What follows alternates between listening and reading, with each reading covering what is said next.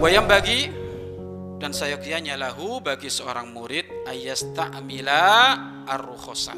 Ini bab lain lagi. Hendaknya seorang murid itu mengambil kemurahan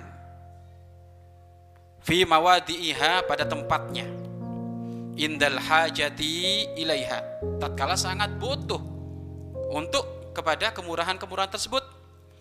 Wa wujudi sababiha dan adanya sebab-sebab bolehnya kita ngambil kemurahan.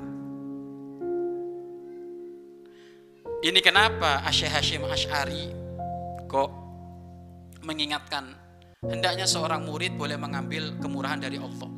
Ada seorang murid itu males ya kan males atau sok keminter?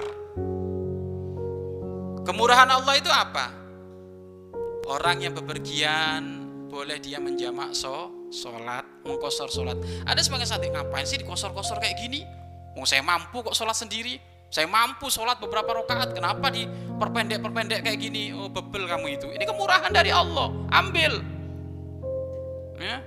Giliran safar dapat kemurahan nggak mau tapi kalau nonton bola sampai lupa subuh doyan. Ini kan ajib. Ini sudah kemurahan ini kemurahan dari Allah. Ambil nggak apa-apa itu.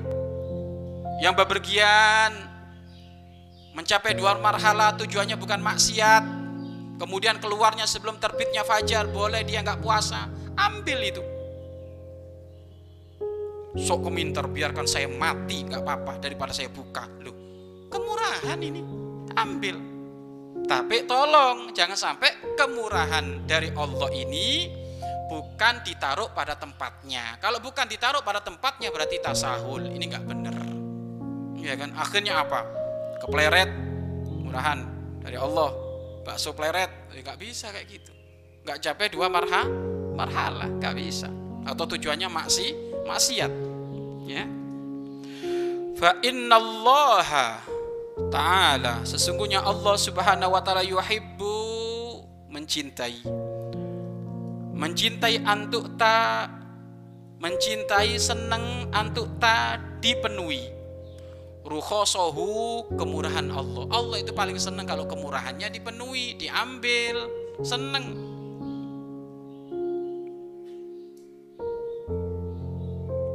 Coba kamu punya anak punya anak. Kamu punya anak, kamu lihat anakmu itu masya Allah.